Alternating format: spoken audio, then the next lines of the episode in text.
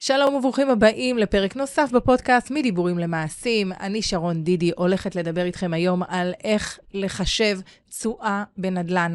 אנשים מתבלבלים, לא יודעים, עושים חישובים, מטעים את עצמם, מטעים את הסובבים אותם, ולא יודעים איך לחשב את התשואה בצורה הנכונה, כדי לדעת אם התשואה רווחית או לא.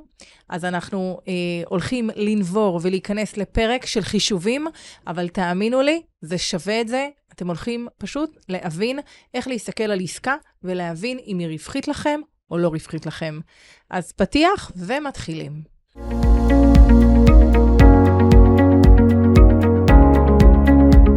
בפודקאסט הזה נדבר על כל מה שמעניין אתכם בהשקעות נדל"ן בישראל.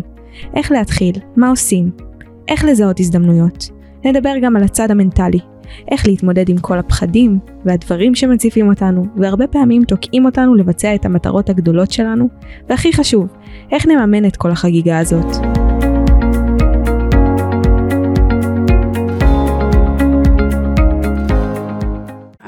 פרק היום, הרבה אנשים חוששים ממנו וחוששים מהקטע של מספרים, ותמיד uh, כשמגיעים לקטע של מספרים אז אנשים פתאום מתבלבלים. הרבה פעמים כשאני יושבת במשרד ואנשים, מתחיל, אנחנו מתחילים להגיע ל, לרגע הזה של החישובים, וממש עושים את ההוצאות והכנסות, וכמה נשאר וכמה הבנק ייתן, פתאום מתחילים להרגיש, רק רגע שרון, אני איבדתי אותך, כי מספרים באמת זה משהו שהוא קצת מבלבל, ומי שלא נמצא בעולם הזה של המספרים, זה הרבה פעמים גם מפחיד מאוד, והרבה פעמים בעצם מרחיק אותנו מתוך המקום של, עזבי, אין לי, אין לי טעם עכשיו להיכנס למספרים, אני לא מבין בזה, אני מרגיש שכאילו אני קצת אבוד, יאללה, עזבי, בוא, בואי נוותר על הכל.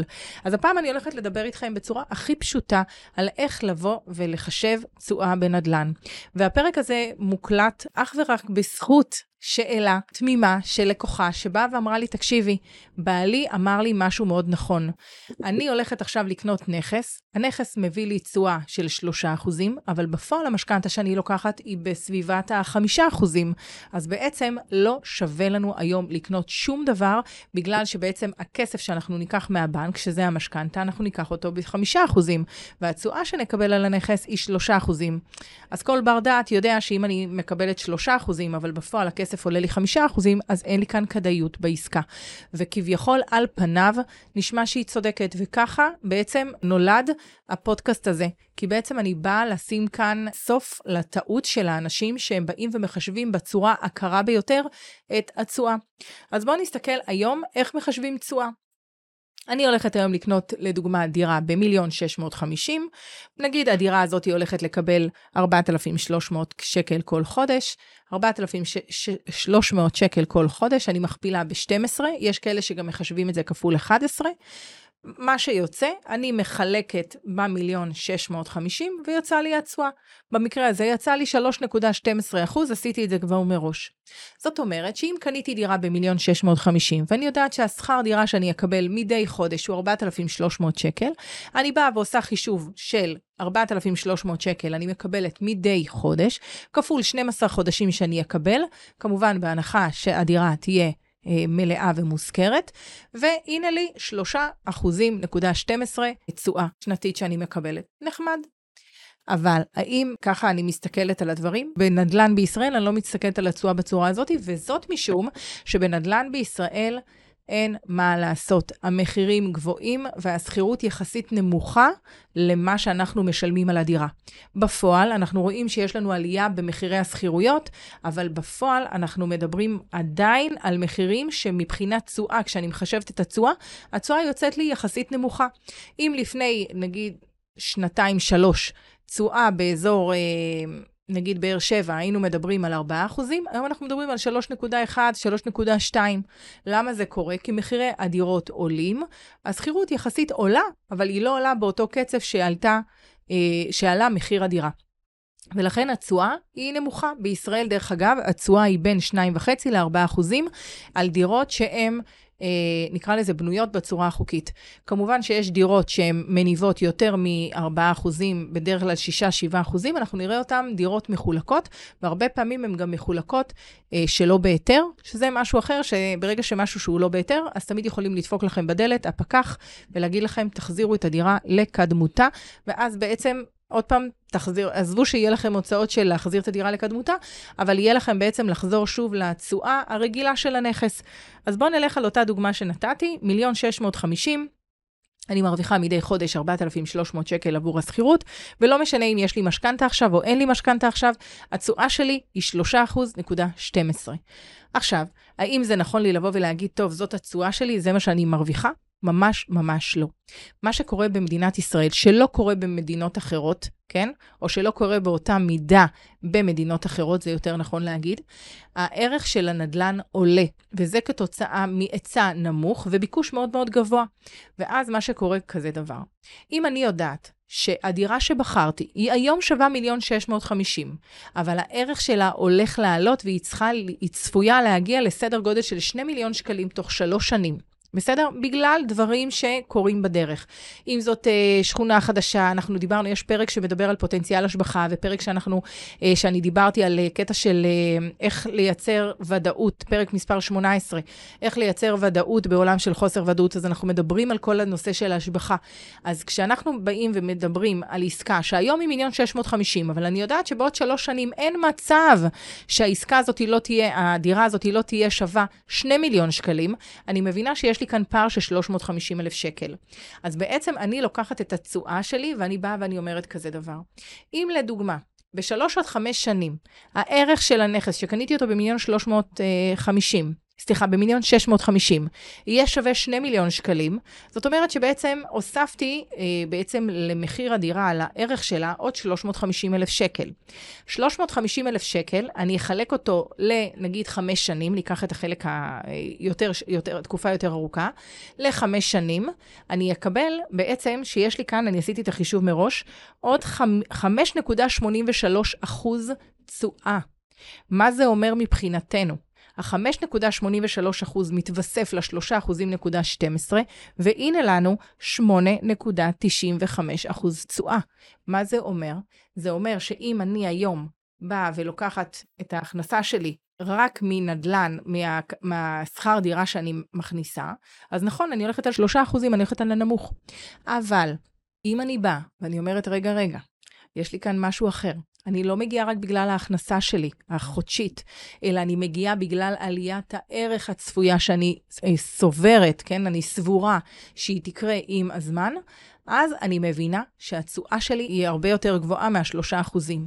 ואז כשאני מסתכלת עכשיו על המשכנתה, שכביכול אני לוקחת, והיום, אנחנו מדברים על 2023, אנחנו מדברים על סביבת ריבית של חמישה אחוזים, אנחנו מבינים שאין מה לעשות, אנחנו מדברים על תשואה גבוהה יותר. מה גם שסביבת ריבית גבוהה היא, אה, נקרא לזה רגעית, היא נקודתית. זאת אומרת שאני, כשאני הולכת לקחת את המשכנתה עבור אותה דירה שאני רוצה לקנות, כמובן שאני אתן לי כמה שיותר נקודות יציאה, ויהיה פרק שידבר רק על משכנתאות ומה אנחנו עושים עכשיו בסביבת הריביות הגבוהה יחסית. ורק בעצם בנקודות היציאה אני יכולה בעצם לצאת או למחזר בלי עמלת פירעון מוקדם.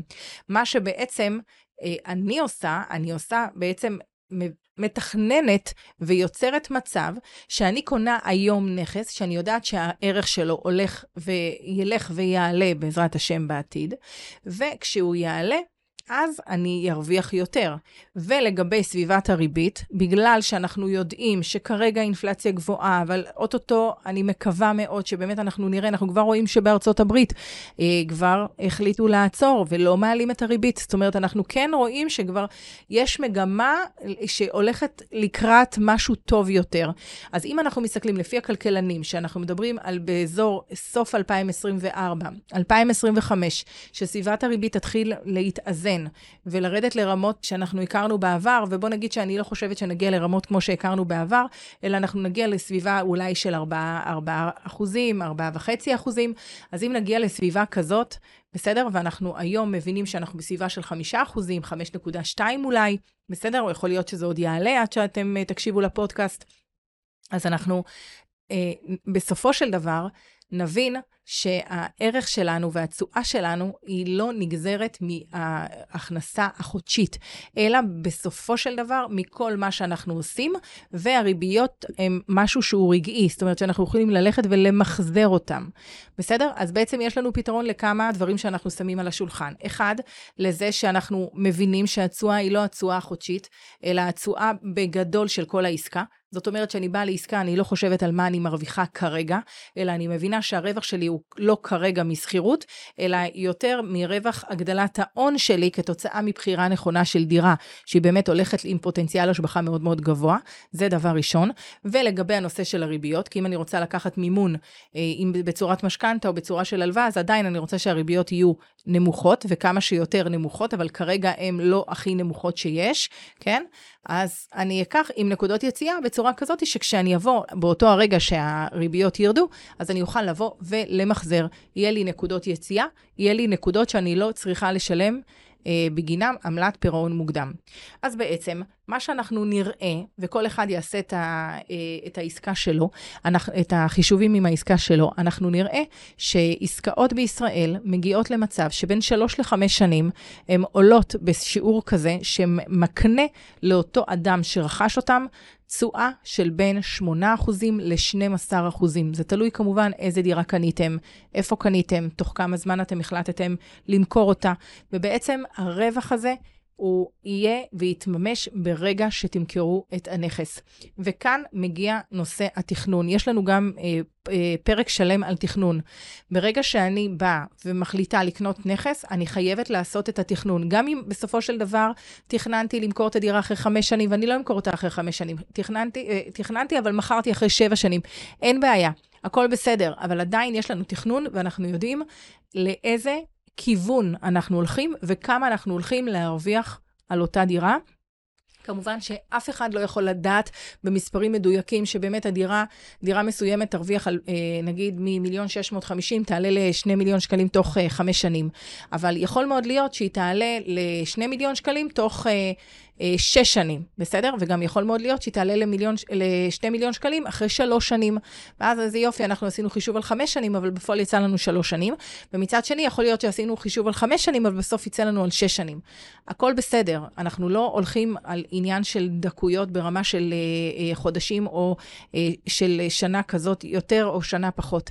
המטרה שלנו היא למצוא נכס שעם פוטנציאל השבחה, מצד השני, לקחת את המימון הזול ביותר, ולתת את נקודות היציאה כדי שנוכל למחזר ול, ובעצם למקסם את הרווחים על ידי זה שנוכל אה, לקחת ריביות אה, נמוכות יותר, במידה והשוק אה, יחזור להיות במצב כמו שהוא היה פעם, עם ריביות יחסית זולות יותר. אז מקווה שעשיתי לכם סדר, ועכשיו שתלכו לחשב עסקת נדל"ן, תבינו שהעסקת נדל"ן היא לא לפי חישוב של כמה אני מרוויחה מהשכירות המיידית. כי הרבה פעמים יוצא שיש אה, אזורים מסוימים שפתאום יש היצע מאוד מאוד גדול של דירות, ואז אם נגיד בדרך כלל לקחתי 4,300, פתאום יש בניין חדש ששיווקו, אפילו שהבניין שלי הוא כבר פועל והכל קיים, אבל יש בניין חדש שנפתח ויש שם דירות להשכרה, ואנשים הולכים לדירות שם, כי שם זה דירות חדשות, ואנשים שמשקיעים והם לא מהעיר, אז לא אכפת להם להוריד 100-200 שקלים. והם הולכים לשם. אז גם יכול להיות שבשכונות קיימות, המחירים נודדים צפונה ודרומה, אז הכל בסדר, אנחנו לא הולכים לפי תשואה, לפי מה אנחנו מרוויחים מהשכר דירה. שכר דירה יכול לעלות, יכול לרדת, אנחנו רואים שכרגע הוא במגמת עלייה. ולכן אנחנו הולכים ואנחנו עושים את החישובים גם על העתיד שלנו.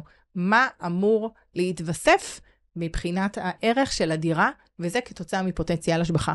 אז אל תשכחו שאתם הולכים לעשות עסקת נדל"ן, בין אם להשקעה ארוכת טווח או להשקעה קצרה, כשאני אומרת השקעה קצרה זה הכוונה לבין 3 ל-5 שנים, אנחנו כן רוצים לדעת שיש פוטנציאל השבחה.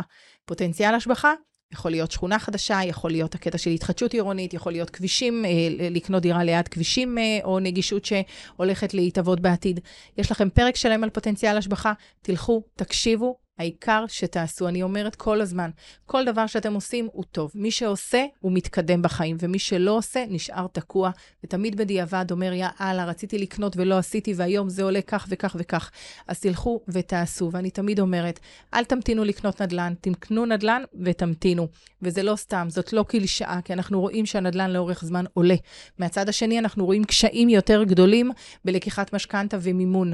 לכן, מי שיכול לעשות עכשיו, שיעשה עכשיו. כי זה בעצם מה שייתן לכם את הקפיצה שלכם. וכמובן, עושים תכנון לפני ורואים מתי מוכרים, האם משאירים, האם זה לפנסיה, האם זה רק להגדלת ההון, האם אנחנו רוצים לעזור לילדים. יש אלף ואחת סיבות שאנחנו נרצה לקנות את הנדל"ן ולעשות את הפעולה הפשוטה. היא מאוד מאוד פשוטה, אבל היא מאוד מאתגרת, כי זה בעצם מוציא אותנו מאזור הנוחות שלנו, ללכת ולקנות דירה שהיא בעצם דירה להשקעה, שהיא אמורה להוביל אותנו בפועל לצד הבא שלנו, לביטחון הכלכלי שלנו, של המשפחה שלנו.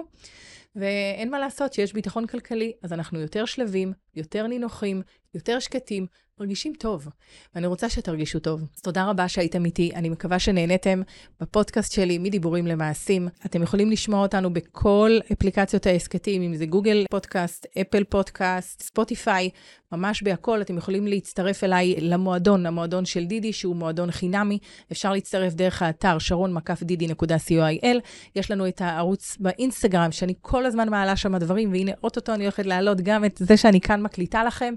אז שרון.דידי.נדל"ן, תצטרפו אליי, תעקבו אחריי, יהיה כיף. יום מקסים.